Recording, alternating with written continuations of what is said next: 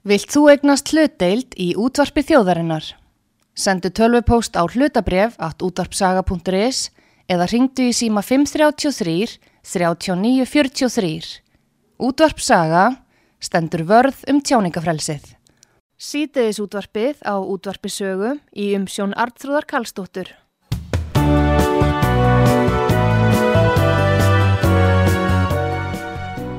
Komið þið sælum, Artrúður Kallstóttir helsar ykkur. Diljá Mist Einarstóttir, alþingismæður sjálfstæðisflóksins er komin til mín og við ætlum að ræða um alþjóðamálinn, steyðið í Úkrænu og hagri bylgju stjórnmálanna í Evrópu og hér á landi, jáfnveg líka forvirkar ansóknar heimildi lauruglu og skipilega glæpastarsimi og fíknefni og fleira. En góðan dag Diljá Mist og velkomin út að sögum. Góðan dag og takk fyrir að bjóða mér. Já, ég sé að þú situr í efnaðs- og viðskiptanemnd, þú ert í fórsættisnemnd, utaríkisnemnd og síðan ertu í þingmannanemnd Íslands og ESB, Íslandsdeild þingmannanemnda EFTA og EES og Íslandsdeild þingmannanemnda EFTA og EES, já. Heyrðu, þetta er ímislegt, þú ert í alþjóðamálunum. Nóum að vera, já. Nóum að vera. Kannski svona lág beinast við að því að ég kem nú úr auðvitaðrækisvandinu, þar sem Já. ég var aðstofamæður. Þannig að það hefur auðvitað gagnað sem mér mjög vel. Já, þá varstu aðstofamæður hjá Gulu. Þá var ég aðstoðarmaður hjá Gulu. Fimm ári eða? Ég er fjögur ár, Ta- rétt tæp. Já, Þannig að þá, það var auðvitað ótrúlega lærdomsríku tími og margt sem gekk á, mikla breytingar. já, Þá auðvitað, hérna, þegar Guðlaugur kemur þarna inn, þá til dæmis er svona orðið mjög uh, takmarkaðu fókus til dæmis á varnamálinn. já, Við erum nú aldeilis hérna á öðrum stað í dag.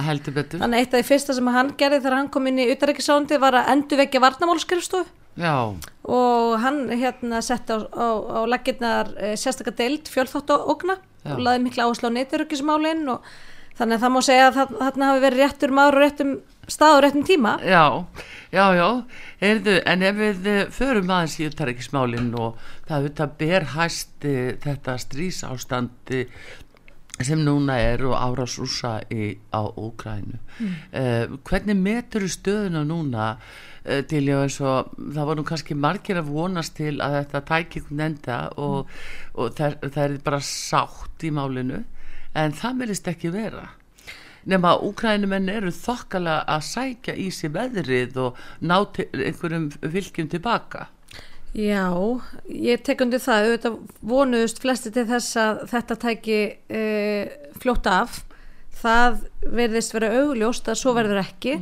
Ég held að þetta muni dragast talsvert á langin þó að auðvitað gerir maður ráð fyrir því að þetta endi eins og allar aðrar hörmungar, einhvern tíman. já, E, það eru auðvitað jákæði fréttir að, að úkrænumenn nái þarna að, að vinna tilbaka landsvæði sem hafa verið e, innlimuð og hernuminn af, af rúsum, af, af Pútín. E, en að því að sko það sem við verðum að hafa í huga þegar við erum að hugsa um þetta stríð er að, er að okkur hætti til þess að því að þetta er þó það langt í burtu sko. Já, að við einhvern veginn getum aðeins hérna, fjarlagst þetta eða, Já. eða sett þetta svona til hliðar sko.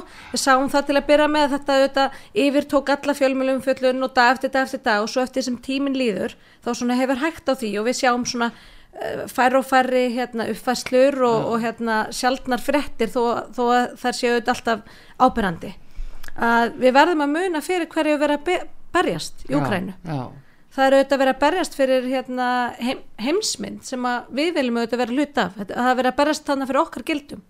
Og þarna eru úkrænum en auðvitað fær alveg gífurlega stórar fórnir fyrir okkur. Já og við, við verðum að muna það. Þetta er náttúrulega fullvalda ríki og þannig ráðist inn Já. og það lítur að vera okkar prinsip að horfa ekki upp á það þegjandi og lögulust. Já, eins og sannarlega var gert. Auðvitað hérna og auðvitað hafa einhverju gengist við því fórsvarsmenn Evrópusambandsins til að mynda að auðvitað var þarna rekin stefna árum og jáfnvel áratugum saman kakvart Rúslandi sem við erum auðvitað er að koma, koma aftan að okkur í dag og þó að sé Ertu þá út að krím?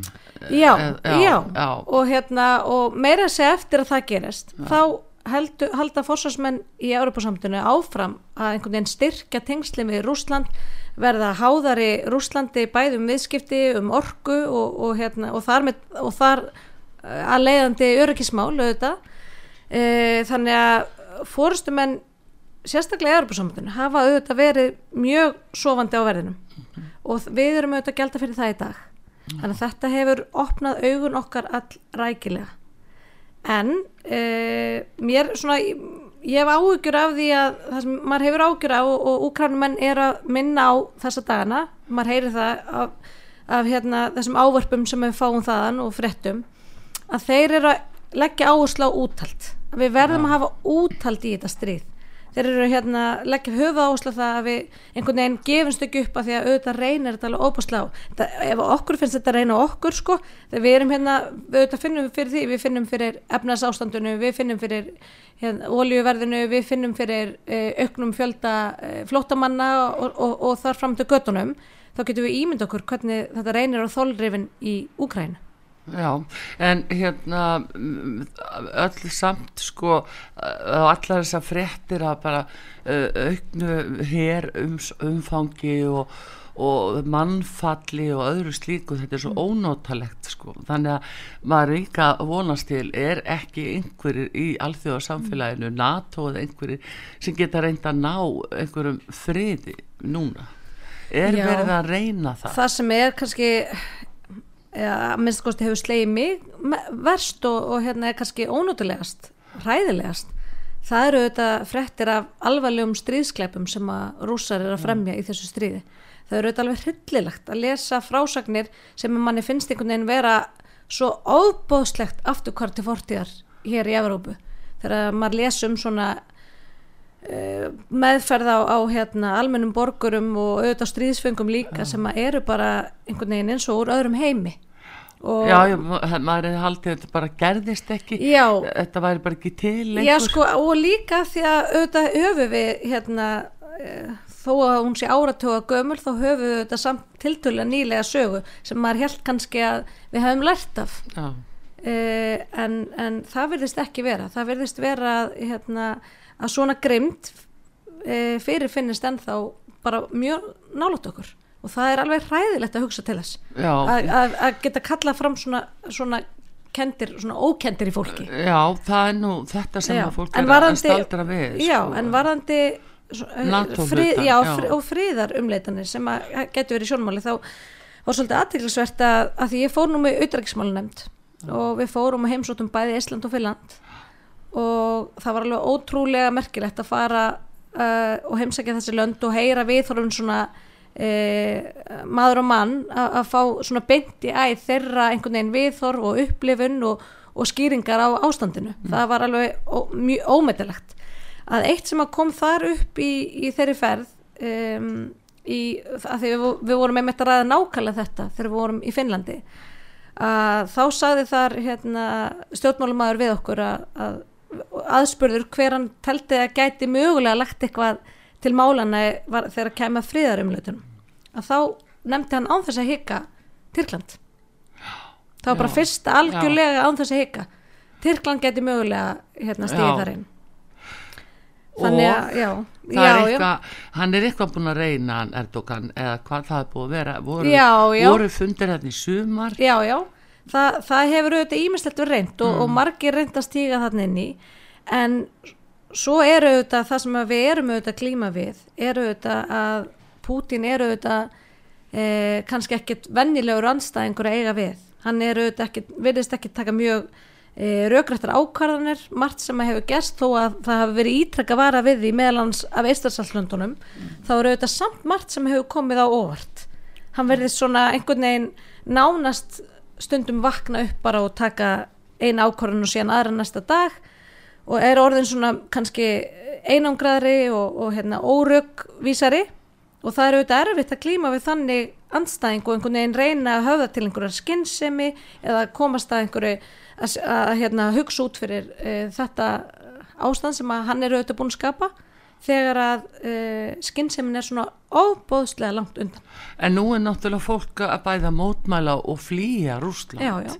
Og, og það er enn eitt máli sem að já, skapar svolítið vandamál vegna þess að það er allir kannski sátti við það Nei, og, og, maður, maður getur ímynda sér, ég var nú að ræða þetta hérna að því að óhjákamalega þá einhvern veginn smittast þetta út í alla keima samfélagsinn þessi umræða og, og börnin manns meðal annars spyrja, spyrja svolítið út í þetta þau sjá bara fyrirsagninu, þau heyrið í skólanum þau vita að það er stríð og e, það kom þarna átakanleg frettaljósmynd einmitt eftir að þessar frettur um herrkvæningu bárst Já, út frá já. Rúslandi af löngum, löngum bílaröðum Hmm. út úr e, yfir landamæran frá Rúslandi og maður bara hugsaði með sér og svo vill einhvern veginn enginn taka mótið þessu fólki.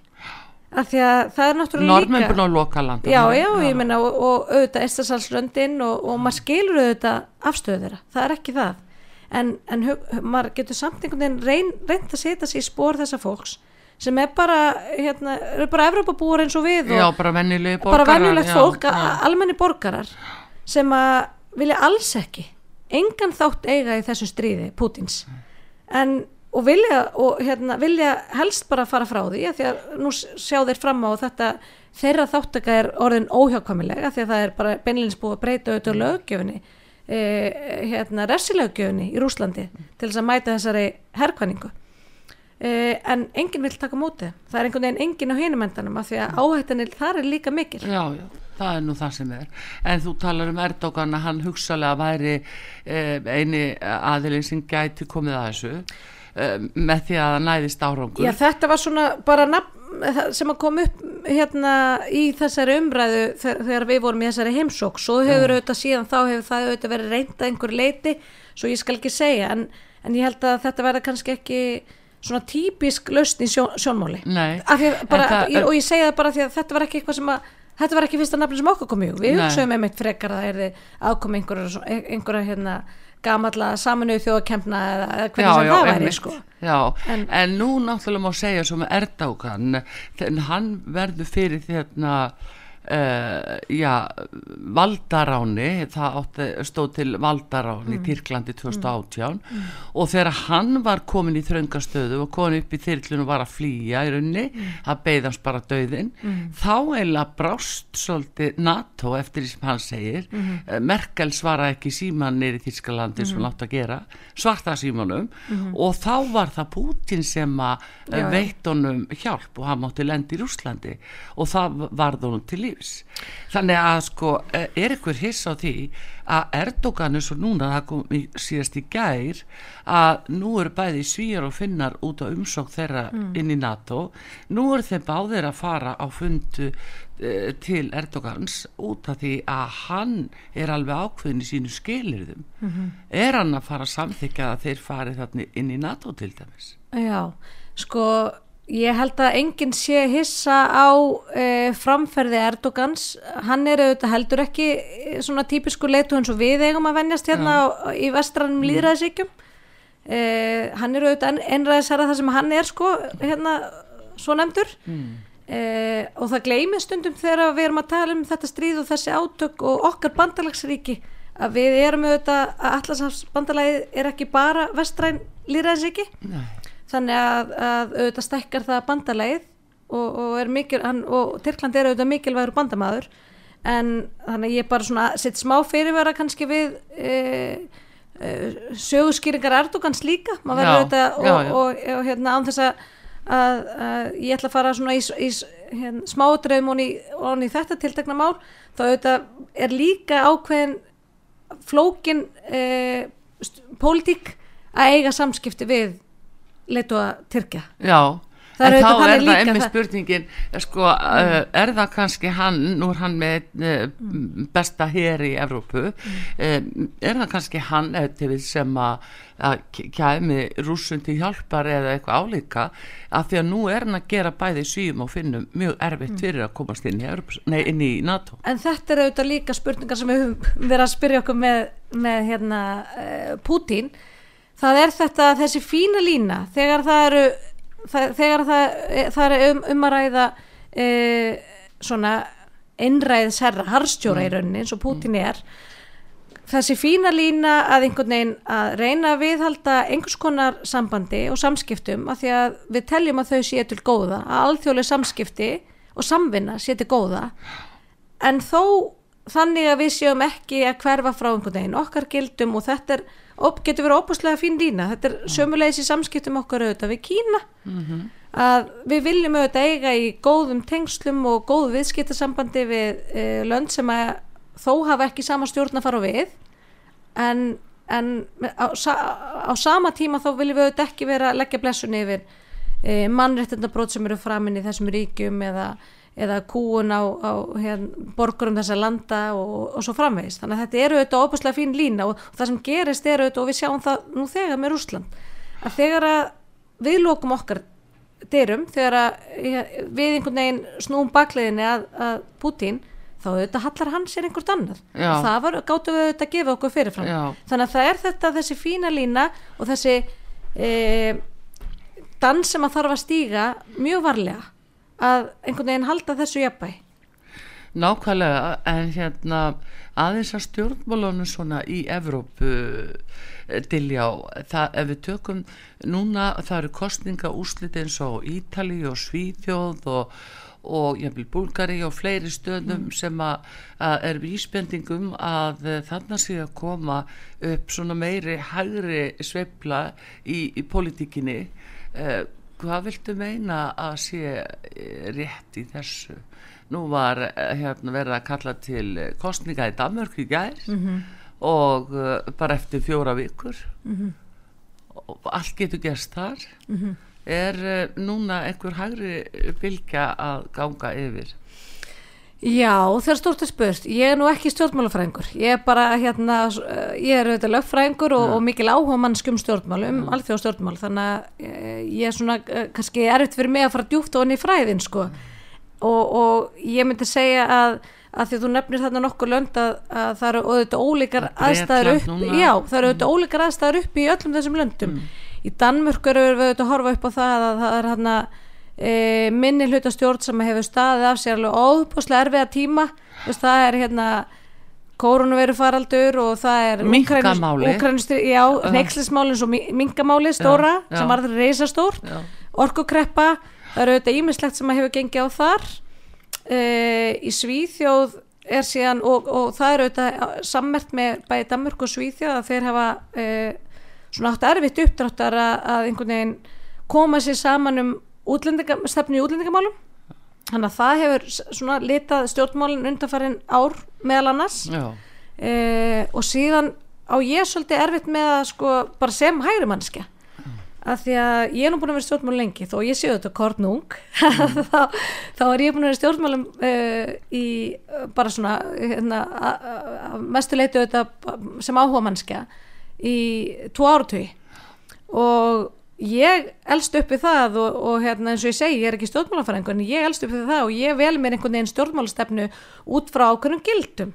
Uh, ég vel mér hægri stefnuna af því að hérna, af því að ég trúi á frelsi einstaklingsins og ég trúi á lítil ríkisafskipti og, og einstaklingshyggju og, og svo framvegis.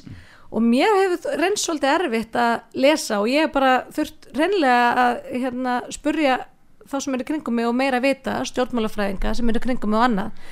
Þessar skýringar, mér, mér átt, átt svolítið erfitt með þannig hægri stimpil og öllu sem einhvern veginn er öðruvísi.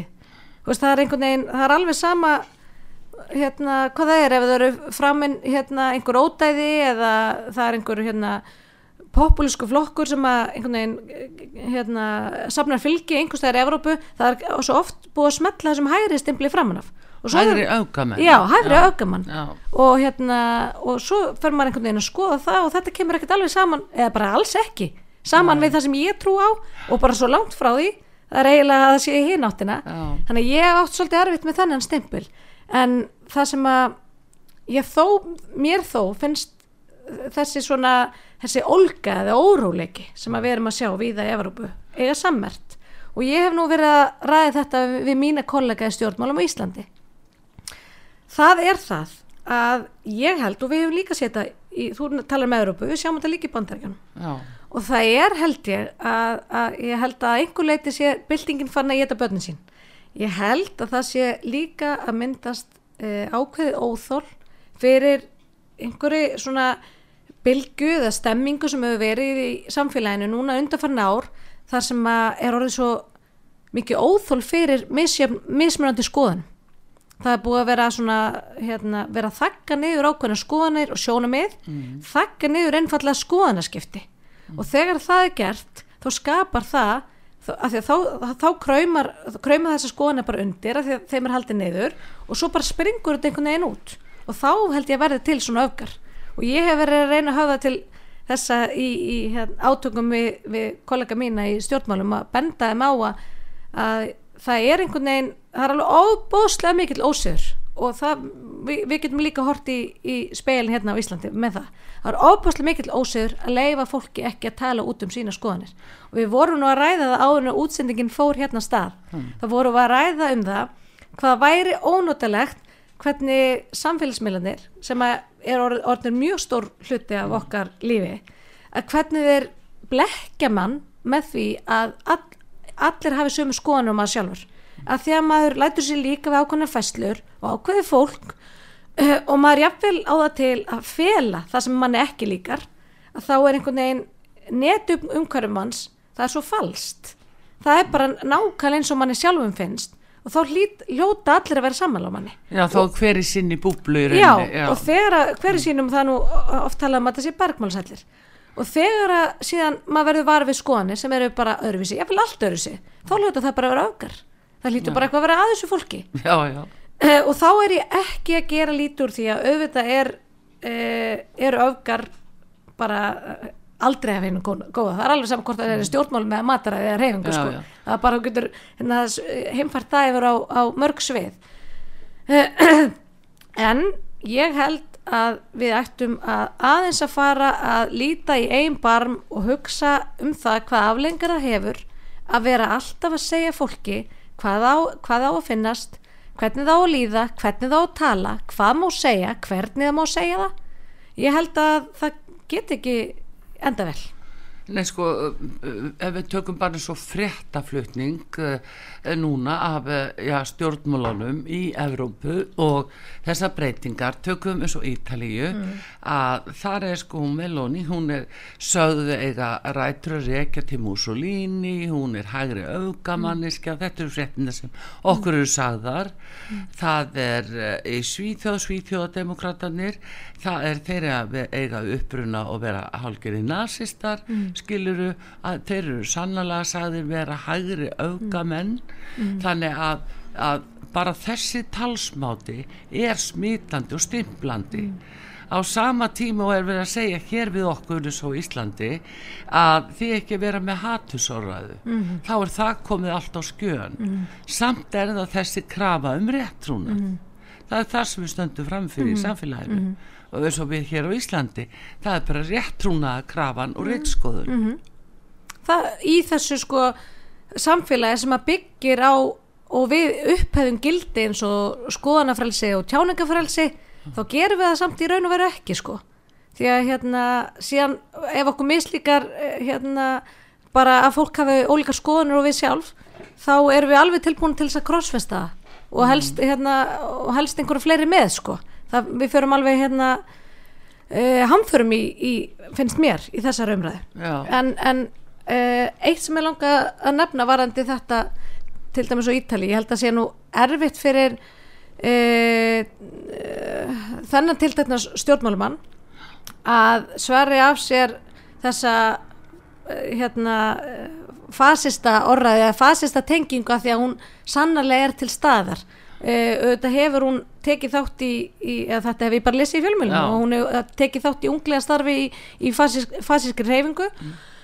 og, og ég skil það vel að það veki upp ó, ónót, ónót og óhug hjá og svona gamlar minningar hjá auðvitað í, á Ítalju það auðvitað, ég ætla ekki að gera lítur úr því og sömuleiðis ef það er verið að upphefja einhver staðar, einhverjum stjórnmálarreyfingum einhverjar e, nazista hugmyndir eða, eða kveðjur eða slagorð eða auðvitað hérna, vekur það ekki upp góð hugrenningatengsl. Mm. Ég er ekki að gera lítið úr því. En hins vegar með þannan hægri vinstri ás þá eftir sem ég fæ best skili þar að ég, að ég hef aflað mér sérstaklega upplý, upplýsing um þetta því að þetta hefur rugglað mér svo mikið mm. að sjá þannan stempil í fjölmjölum íslenski fjölmjölum er mjög gerðin á að gera þetta þetta er nú síður til vinstri þeir eru mjög gerðin að henda hægri stimpli á alls, alls konar. Já.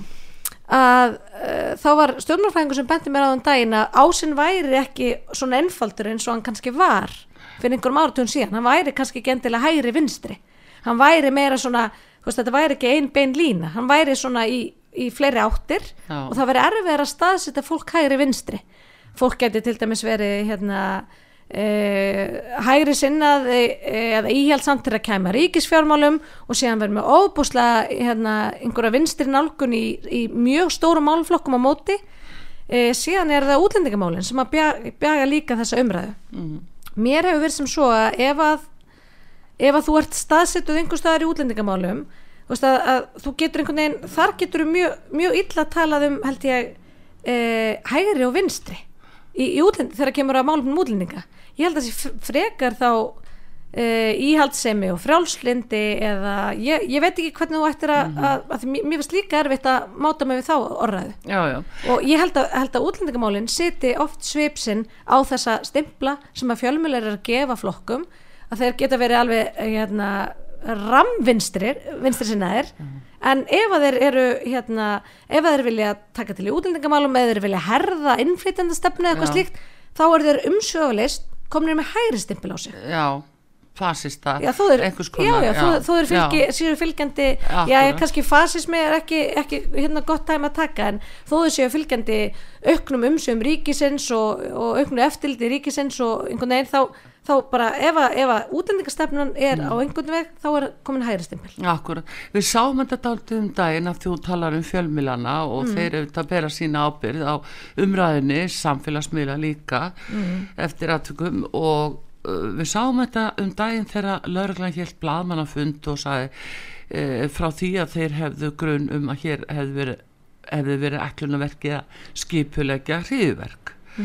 Þá er það ekki bara lauruglan heldur það var fræðarsamfélagi sem spratt fram á sama sólaring, á sama degi, jafnvel eftir nokkra klukkutíma, þá var tala við hvern og fætur öðru sem voru áhrifamenn innan háskólasamfélagsins á Akureyri og Háskóla Íslands.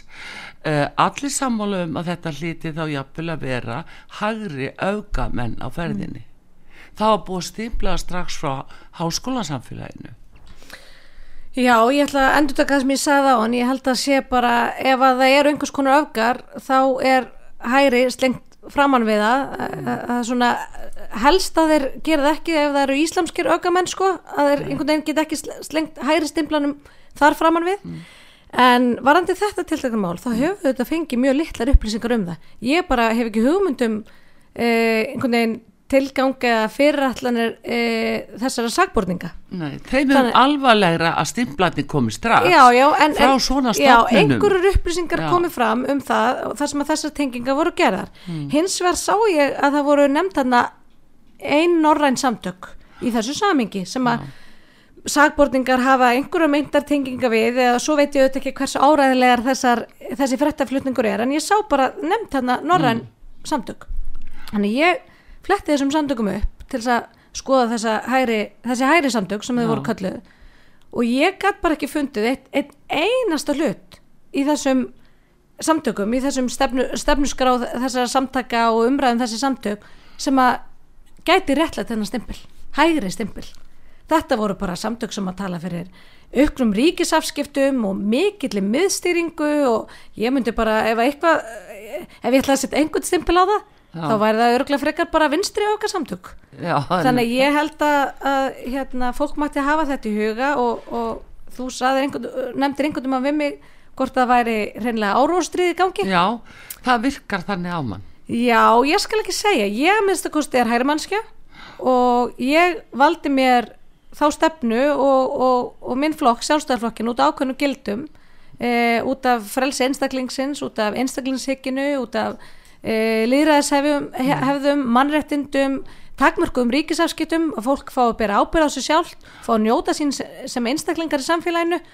Og ég bara ef þú ætlaðir einhvern veginn að að að öfga væða þá stefnu ítinni lengra til hægri þá veit ég ekki hvernig að það endaði þá í mikilli miðstyringu og mikil, miklum ríkisafskiptum eða ég myndi þá halda að það verið þá bara svona alveg útópísk frálsökja bara einhvern veginn í alltaf átt en það er auðvitað, nú er ég bara að tala sem áhugamanniski, ég er auðvitað ekki stjórnmála fræðingur Nei, nei, en uh, þetta er uh, Dilljá Mist Einarstóttir alþingismæður Sálstæðarsflóksins sem að, uh, er gestur minn hér og, og segir þetta. Við ætlum að fá smá hlið núna fyrir auðlýsingar en komum svo aftur og höldum áfram að ræða málin. Einmitt um þetta hugsanlega áráðustri sem er á milli fólks og síðan uh, forvirkar rannsóknar heimildir lauruglu sem eru sannalegi umræðinni. Sýteðis útvarpið á útvarpisögu í umsjón Artrúðar Kallstóttur.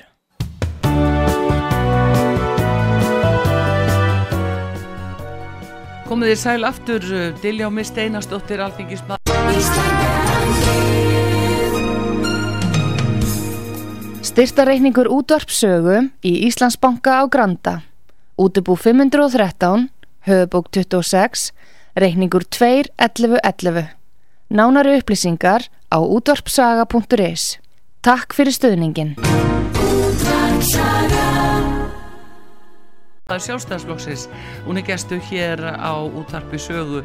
Við vorum að ræða um meðal annars núna áráðustríð uh, sem að gæti verið í gangi. Við vorum að tala um skoðanakúun, réttrúnaðin og dilja og það er eitt sem núna er verið að tala mikið um. Og beilinís vegna þess að uh, fórsættisáþra er með nefnd í gangi sem á skila af sér um áramót og uh, reyna að koma böndum á hatursorðræðu. Það er eitt í þessu. Þetta er sett fram sem mjög ógnandi þetta, þetta er svona veltilisfallið að skapa hræðslu hjá fólki ymmit út af jafnvel skoðunum þess og, og fólk er að upplifa þetta jafnvel sem skoðunarkúun Þetta, hatursorræðin, Já. það er nú málefni það er partur af þessu. Já, það er nú málefni sem að það sem að tókast í, á í mér svona gagstæðar, andstæðar tilfinningar. Því að ég er þeirra skoðunar skoðunar að það sé það þurfi mikið til þess koma að, að, hérna, að fólk megi ekki, að, megi ekki tjá sig.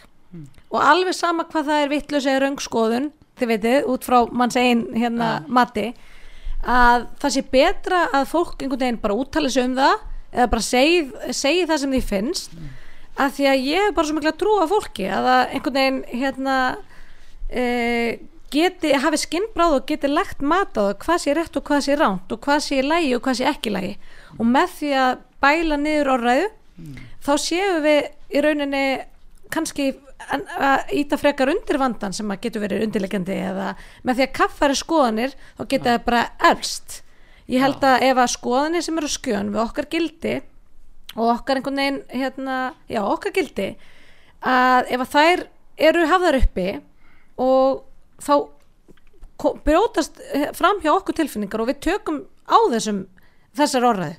Þetta er einhvern veginn, þetta er einhliðin. Að ég held að, að það sé gott að viðra vondarskoðanir mm. að því að þú fáir þá mótvindin, þú fáir þá gaggrinna og það sé til þess fallið að dempa þér, að einhvern veginn að draga þér niður. Þetta er einhliðin.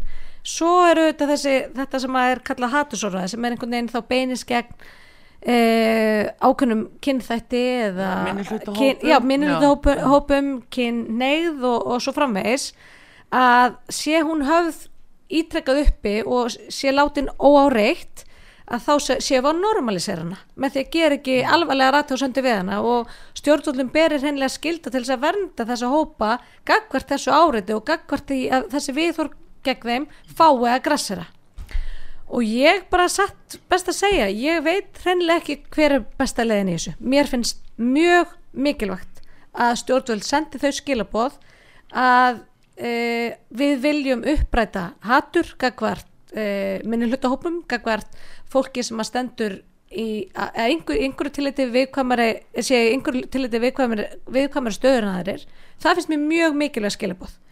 En síðan á hinaröndina þá finnst mér líka bara svo mikilvægt að fólk fái að hafa uppi alls konar skoðanir og mæti þá þessu félagslega aðhaldi sem að samfélagið er. Já, þetta er nefnilega spurningum hérna að akkur tekinu út einhver hópur fólks, þetta er að vísu sko elendis frá fengiði frá saminuðu þjóðurum og, og, og, og á sína sögu hvernig þetta er tilkomið. En við erum komið þetta inn í hegningalög hjá okkur.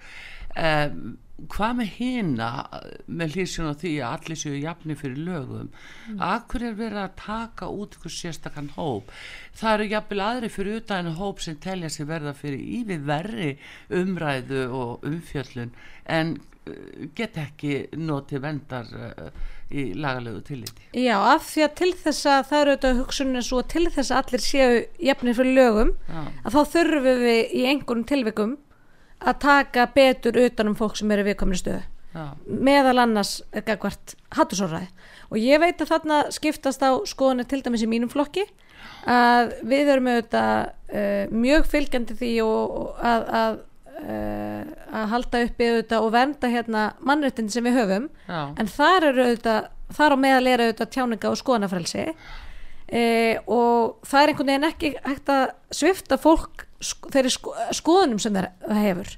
En ef að orðaða getur verið alveg jafn meðandi eins og, og, hérna, og svona líkamælit ofbeldi. Þetta, and, þetta er svona, e, svona orðræðu Já. það er auðvitað getur verið eitt form ofbeldi. Og það er auðvitað e, ekki flókið að sjá einhvern veginn hvaðan þetta kemur hvaðan hérna að því að þú nefnir hérna saminu þjóðnar og okkur slíkt Já, já, Það er- uppalega sko þegar þeir koma með þetta inn í mannetindakapla Já, en við erum auðvitað líka, auðvitað lærum við líka af sögunni, af því að við höfum auðvitað séð það raungerast í Evrópu að hér hafi verið, að, að, að, í okkar álfu hafi svona orræðu leifta, verið leifta grassera, að verið leifta að byggjast upp með skelfilegum afleðingum. Mm. Það er auðvitað það sem við höfum séð. Þannig að við erum auðvitað líka að reyna að læra af sögunni, við erum auðvitað að reyna þetta nú hérna enn en eitt svona en eitt vanda sem er vegurinn að rata. Hvern, hvernig þú ætlar einhvern veginn að að vera þarna á milli. Að vernda tjáningafrelsi og skoðanafrelsi en samt auðvitað af því að þú nefnir að, að hérna, allir séu jöfnir fyrir lögunum Já. auðvitað tryggja það. Að tryggja það að við séum auðvitað að vernda ákveðna hópa að við séum að veita þessum ákveðnum hópum sömu réttind og aðrir hafa já en nú er staðan bara þannig að þeir sem að njóta vendar sem minni hlut hópur Mm. þeir geta fengið aðstólaurklu við framgang sinna mála Mm. hinn er að kosta að fara í meðirðamál sem tekur jafnvel eitt ár, tvö ár, þrjú Mm. ár skiluru og mjög óvist um niðurstöðu Mhm. en það er auðvitað þannig sýti ekki allir við saman Já, það er auðvitað grundvallar á því að grundvallar á mm. hatursorræðu og meiðirum. Það er auðvitað að, að hafa uppi hérna, ósannandum einhvern eða að draga einhvern nýr í svaðið á einstaklingsbundnum basis einhvern veginn. Já. Það er auðvitað ekki það sama og við hafa hatursorræði gagvart e, svona ákveðnum hópum. Taka Nei. út fyrir svega einhvern ákveðn hópa fólki, setja sama sem merki þeirra á milli, byggt á þeirra sérstöðu. Það er auðvitað ekki sami hluturinn og ég er bara hérna, auðvitað fylgjandi því að við stígum fast í jarðar þegar kemur að, að slíkri umræðu en spurningin er bara hverju það skilar okkur. Já. nú auðvitað höfum við orðið vörð við það að svona aukna í garð e, hins eginn fólks. Og við hefum ekkert að líða það í okkar samfélagi. Við hefum ekkert að líða það að hér fá að grassar einhverjar hérna, einhver átrósla og réttindi þessa fólks.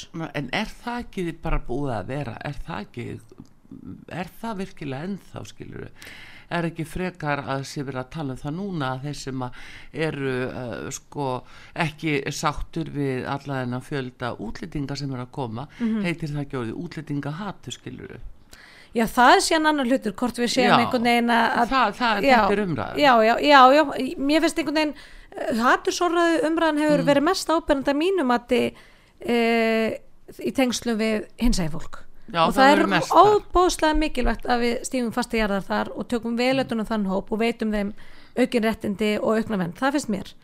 E, ég hef bara vör við mikið útlendingahattur á Íslandi og ég heyrði nú, ég hef eftir að lusta, ég sá bara fréttin um hérna, mér syndist að Eirikur Bergmann vera í dagmálum já, hjá henni Caritas á, á hérna, morgublæðinu e, þar sem hann var að ræða einmitt svona e, hvað segir maður, auka eða svona aukaskoðanir eða e, hérna, E, talar um- jaðarskoðanir í, í íslensku samfélagi. Jú, en hann talar um þjóðverðnispopulism Já, ég hef ekki, ég hef ekki séð og svona, viðtalið. en, að en ég sá bara að það var tekið út úr viðtalinu að hér grassur ekki mjög aukakenda skoðanir mm. af því að við værum svo lítið samfélag. Já. og þetta er bara mín hérna, þetta er mín reynsla af íslensku samfélagi mér finnst ekki vera miklir okkar hérna í samfélaginu og þeir eru fátýr og mitt fámennir hópar oft sem að koma sér Já, saman já. um einhverja en samt þetta að það er notað þeir sem er ekki samt alveg sammála einhverjum Mm. rétt trúnaði sem svífur hér yfir öllu að, að þe- þeir eru sagðir vera með einhvers konar hattusorræðu Já. þá að það, er- þá að forðast þá og svo framvegis Já, það eru auðvitað þessi tilrun sem að því við vorum að tala á hann um svona skoðanakúun og, Já. og hérna það mætti ekki ræða ákveðin mál að það eru auðvitað bara þess átt að tilburðir. Ég hef ekki einhvern veginn tengt það við hattusorraðu umræðuna. Ég meina það er bara, við, bara staðrindin að tala sínu máli. Við erum orðið mjög fjölminningar sinna samfélag, Já. það er frábært hér er vel tekið á móti innflytjandum og þeir aðlagast okkar samfélagi vel og, og bæta það hérna að mörguleiti þannig að ég hef ekki séð þetta sem sérstætt vandamál í okkar samfélagi en það eru alltaf það er alltaf þeir sem að hérna, telja sig hafa endanlegan sannleik og bestu skoðunan í öllum málum þeim hættir, hættir til að vera sömu típur og, og agnóðast út í skoðanir. Annara vil, vilja ekki ræða þær vilja ekki ræða mismunandi nálgun eða, eða viðhor til, til ímessa málflokka og þar er útlendinga þar er útlendingamálinu þetta svolítið fyrirferðarmikil Já, en hvernig finnst þið samt þessi staða núna, nú er búið að opna þessa hérna uh, miðstöð sem að sumi vilja nú kalla flóttamannabúðir. Að það verður sennilega bannað að kalla flóttamannabúðir, ég gerir ráð fyrir því. En uh, ég menna Uh, hvað finnst þér um stöðu þessara mála og hvað með Ísland og höfum við efna á þessu, þú sittur í efnas og viðskiptanem Já, hvað segir um það, 50 manns á dag að koma til lands? Ísland er mjög ríkt land í hvaða, hvaða, ekki segja allur hvað- Nei, það. ekki segja nei, nei, en það er- eða nei, öryrkja. nei, en það er erfitt að, hérna, andmæla því þó að við séum auðvitað hérna með hópa sem að við, við reynum að gera betur við og ættum að gera miklu betur við og erum sífælt að reyna að bæta okkur í að því að þú nefnir meðlans öryrkja og aldraða. Þannig að við eigum auðvitað okkur beð siðferðilega skilda til þess að taka hérna á móti fólki og taka vel á móti því síðan e- getum við rætt það og eigum að fá að ræða það. Hvernig við tökum best á móti fólki og hvernig við hjálpum fólki best. Af því að þó við séum ríkt e, samfélag í, í alþjóðlegu tilliti og alþjóðlegum samabörði þá erum við auðvitað pingulítið e, land, við erum, við erum fámenn og við erum lítið hagkerfi. Við erum 370.000 manns. Við erum auðvitað ekki að fara að berga 100 miljón manns á fljóta og þá þurfum við að hugsa e, með okkur. Við viljum eigða segjum bara við viljum eigða dágóður í það að aðstofa fólk á flótta eða, eða hérna því að við skulum taka það út fyrir eh, aðeins aðgreina hérna fólk á flótta frá auðvitað bara já, hefðbundum það, já, maður er kannski ekki Já. að tala um fólk á flótta það er, það er vilja það allir ég meina það er Já, eina ég allir það, að það er yfir 100 miljón manns Já, í heiminum og þeim fyrir, að um fjölgandi og Já. við viljum hjálpa þeim. Já. og hvernig nýtast okkar fjármunir sem best? Það er ekki útlendingaandúð eða ómanneskulegt að ræða það hvernig þeir fjármunir sem við sannarlega viljum leggja í þennan málaflokk hvernig þeir nýta sem best hvernig nýtum við hver einustu krónu sem best. Við gerum í öllum öðrum kemum eh, efnarslífsins öllum öðrum kemum samfélagsins þá ræðum við það. Hvernig ætlum við að hérna, nýta fjármunni sem best í umhverfismálum? Hvernig ætlum við að gera hvernig ætlum við að heilbrigðismálum, hvernig á. Mm. skattheimtunni að vera hátta til þess að einhvern veginn að, að, að gjöfin sé sem, sem jöfnust. Já. af hverju ættu útlendingamálin að vera undanskilin þessari umræð það er bara Nákvæmlega, við eigum auðvitað í allstaðar að nýta fjármunni sem best Mm. ekki síst af því að það eru svo margir sem þurfa á þessar aðstöðu að halda Einmitt, ekki síst út af því. sko hvernig við að standa undir þessu Mm. tökum sko mínus flóttamenn heldur þeir sem eru bara að sækja hér um vend Mhm. að uh, og eru bara að leita hinga að betra lífi Mhm. uh, hvernig eigum við að uh, afgræða þessi mál nú er dósmálaráð þeirra búin að leggja fram hvað Mhm. mm. frumvarpið er að fara að gera það breytingar, hvað segir um þetta þetta mætir anstöðu á, og jafnvel talið að, að hérna að þarna sé verið að- að hefta för fólks Mm. sem er ósangjant og þar fram til göttunum en höfum við þessu Sko við getum rætt þetta frá þessum enda, hvort við höfum þessu og hvað það kost okkur, en við getum líka rætt þetta frá hinum endanum. Hvernig á þetta fólk skilið að við tökum á móti? Hvernig getum við tryggt aðbúnaðar þeirra, fólk sem er á raunverulega á flótta undan hérna, miklum ógnum og hörmungum, hvernig getum við tryggt að við tökum vel á móti þeim? Við höfum séð hvernig e, svona bara vina þjóður okkar og löndi í Evrópu, hvernig þessi mál hafa einhvern veginn beðið skipbrot þar. Þar sem að það hefur einhvern veginn verið reynd að hjálpa öllum og aflengin hefur svo að aflengin hefur bara verið ömuleg. Aðbúnaður eh, fólk sem að kemur og leitar, að, leitar sér aðstóðar í þessum löndum, hann er bara hún skelvilegur ekki nógu góður að mista kosti. E, aðlugunin gengur hægt eða illa eða ekki neitt. E, og er þetta er þetta mótökunin sem við viljum bjóða þessu fólki upp á? Mér finnst mikilvægt við ræðum þetta frá þeim endanum líka, ekki bara hvað með okkur, hvað með okkur. Af því að mín skoðun er svo okkur beri siðfæli skilda til að hjálpa fólki að flotta ég bara fer ekki ofan af því. ég held að, ég held að séu afskaplega Já. margir þar að fólk á flótta. Já. en hinn sem eru ekki á flótta eru bara að leita betra lífi. Já, þá, við þurfum að gera greinaminn á þessum hópi. Já. við erum hér Já. með kerfi. Já, til þess að það sem að við getum veitt fólki vernd sem er á raunverulegum flótta undan hörmungum og ógnum og átökum. Við, það er kerfið okkar. Síðan e, að því þú nefnir þann hóp sem að kemur hinga einfallega í betra lífi já, sá hópur á auðvitað ekki að fara inn í þess, þetta kerfi. Nei, og er við þurfum að málið. leita allar leiða til þess að aðgreina þetta til þess að geta einbytt okkur á þeim sem að e, eru á flótta og teki betur utan um þann hóp. Síðan eigum, við- getum við rætta hvort að við eigum ekki samhliða því að svo við stöndum fram fyrir því meðlan sér að, að, að hér skortir vinnuafla við þurfum hreinlega á erlendu vinnuafla að halda en þá ættum við kannski að skoða það bara samhliða og það er auðvitað verið að gera það núna að við opnum hérna vinnumarkaslögjöfuna til þess að fólk getur hreinlega sótt um að koma hingað að vinna. Já, en, en Já. fólk sem að er að le er leita betra lífi fólk sem vil koma hingað til að vinna Mhm. það á að sjálfsögðu ekki að fara inn í flóttamannakerfið okkar. Nei, það er nefnilega málið og kannski öllu ruggla saman, ég veit það nú ekki en í svona umræðinu en hérna hins vegar koma tölur frá uh, útlendingastofnun.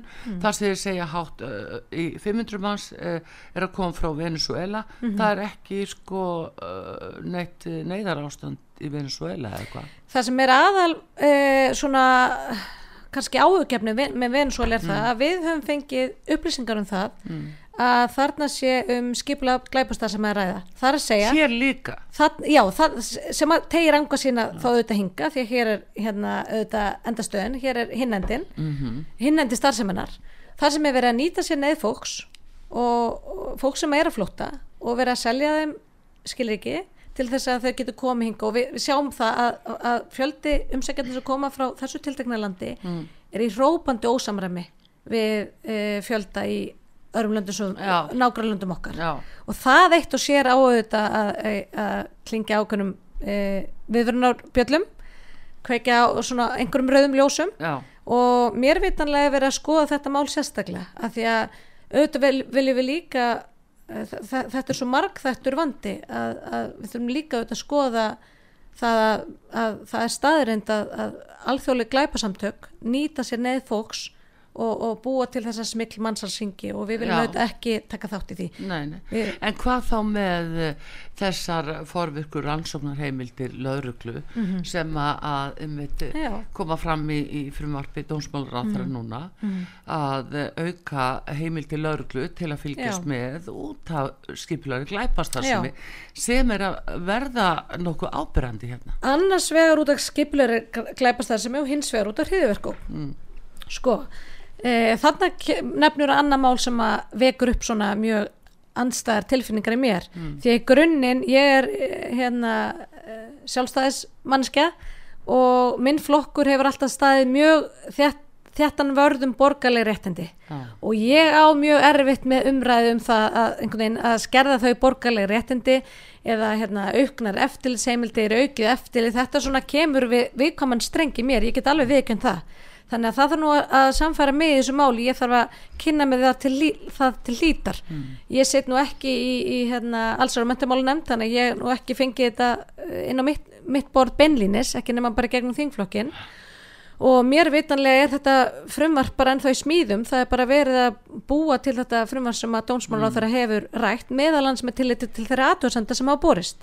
Hins vegar þá þekki ég það vel bæði e, núna af þinginu og síðan að því ég kemur úr utarikisandunu þá þekki ég þetta vel umkvartanir okkar samstarfsþjóða í svona alþjóðlegu samstarfi meðal annars til spórna við alþjóðlegu glæpastarsemi að þær hafa gert aðtöðsendir við laga og stopnan umhverju hérna þegar það kemur að þessum e, málflokki þannig að auðvitað er ég tilbúin til að hlusta á það að við þurfum að skoða það hvernig við mætum þessum kröfum þeirra að við getum ekki fengið upplýsingar frá þeim mm. að þeir við séum einhvern veginn með og veikbyggt kerfi til þess að taka við þeim þannig að og, svo, svo er annað að mér hefur þótt svolítið erfitt að, að hlusta á þessu umræðu og einhvern veginn hún hefur verið út um allt og þeir sem hafa haft hæst þeir hafa reynilega farið með ósanindi ósanindi í þessum málum einhvern veginn verið að bera saman eppla bara til dæmis varandi það að við séum að ganga með þessu frumvarpa sem er ekki komið fram og eru þetta mm. bara þannig verið að bara svona geta í auðnar sko hérna, að því að ég, mér finnst það erfitt að tala um frumvarp og efniðis á þannig að ég hef séð það. Mm. en svona það sem að, ef maður lesi það sem að dómsmála á þrjá sagt þá hafa ýmsir aðalar hérna stegið fram og gert aðtjóðsandu það meðlan sem við séum að ganga miklu lang, lengra Norðurlöndin. Og, og nefnt þar á hvern dæmi því til stöðnings það er bara ránt það er bara all ránt þannig verið að bera saman epplu og appilsinu og það er verið að bera saman þá heimildir leini þjónustu í þessum ríkjum sem við höfum auðvitað ekki hér mm. yfir, að, yfir að ráða og síðan hins vegar og, og það, það snýr þá að hriðverkókninni og síðan heimildum sem að lögreglan sannlega hefur í þessum löndum e, í tengslu við glæ, skiplega glæpastarsami mm. af því að þetta er síðan af því að við erum ekki með leini þjónustu þá, þá te, skilst mér að þetta frumvarp er að taka á, á báðum þessum málflokkum þannig að mér finnst einhvern veginn við þurfum að skoða þessi mál vel og vandlega þetta all... erum við sko við erum að tala um uh, aukinn vopnabúnað, Já. fólks almennt og lauruglan gerir uh, það sko marg ofta að leggja halda og vopn í bílum og, mm -hmm. og bæði skotvopn og eggvopn og allt það þannig að þannig er komin alveg svona ný staða upp. Já, en, mér finnst þetta ekki verið sama umræðan að forverka rannsóknarheimildir og aukin vopnabúnað eða viðbúnað lauruglum, mér finnst þetta að vera sikkur hluturinn þó að þessu hefur einhvern veginn verið slengt saman Já. í umræðan, ég, ég veit ekki alveg hvernig það kom til. Hvort að það sé að því að það, það, því sé alltaf að vera í sömu lagabreitingu eða hvað, ég veit ekki séð mm. þetta frumvar en þegar að kemur að þessum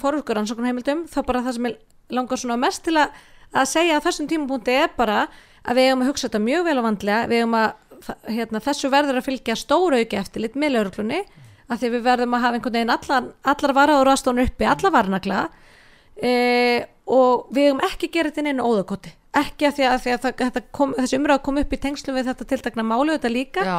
en þegar það kemur að viðbúna á vopnabyrði lauruglunar þá langar mér til þess að segja það að, að hérna mér þætti fróðlegt að sjá hvort að þessi sérfrængar sem að hafa einhvern veginn talað þetta niður og gert lít úr þessari þörf mm. hvort að þeir varu tilbúin til að fara óvopnaðar inn í aðstæðu sem að við erum að bjóða okkar lögurklumannum í að fara upp á fara inn í, nákvæmlega. hvort að þessir hérna, sérfrængar varu til að fara í þessu útköll sem að lögurklum mm. fer í og lýsir því að þeim finnist þeir vera illa búinir til þess að sinna Já hérna, ég myndi svona síðustu til já mm. uh, tími flýgur frá okkur en hérna Tími flýgur þeirra gaman Já, það er nú það Heyrðu, hérna ef við langar aðeins að minnast á það bara alveg að síðustu að því það er svo tengt þessu það er öll svo umræða að eh, heimila neyslu skamta á fíknefnum mm. og við höfum rætt það áður en uh, þetta er uh, líka þar að segja það er líka staðrind að það er mikil aukning á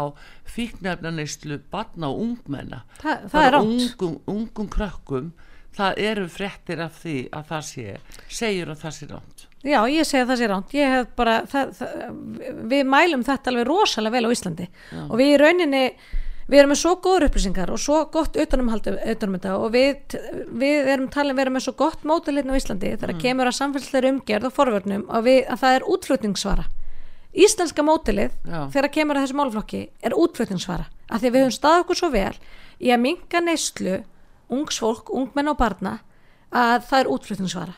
Þannig ég bara mótmæli þessu harlega að hér sé aukast nesla hjá ungmennum og ungu fólki eh, hjá börnum og það er auðvita það sem er til mest að vinna.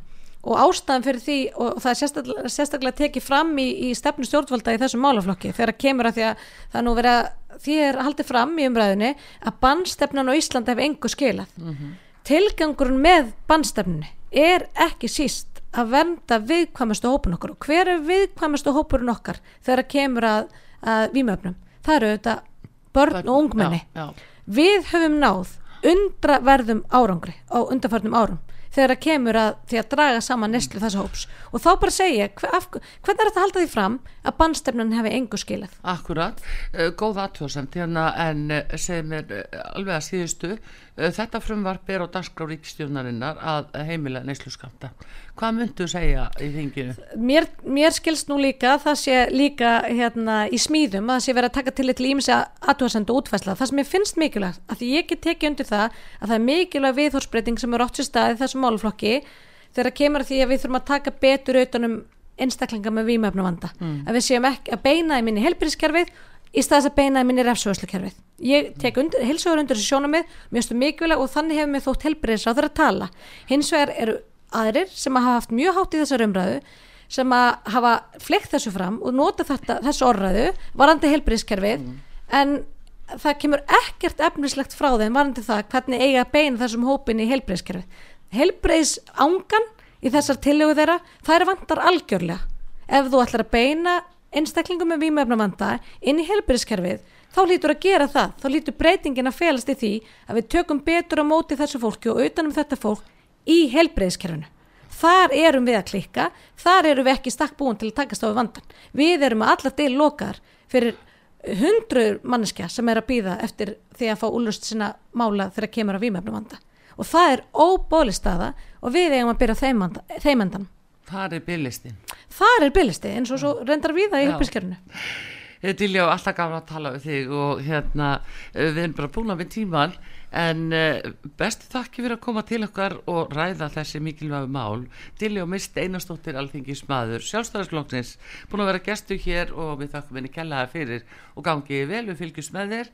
Og Artrúð Kallstóttir þakka fyrir sig. Takk um að Daví Jónsson verði sæl. Takk fyrir mig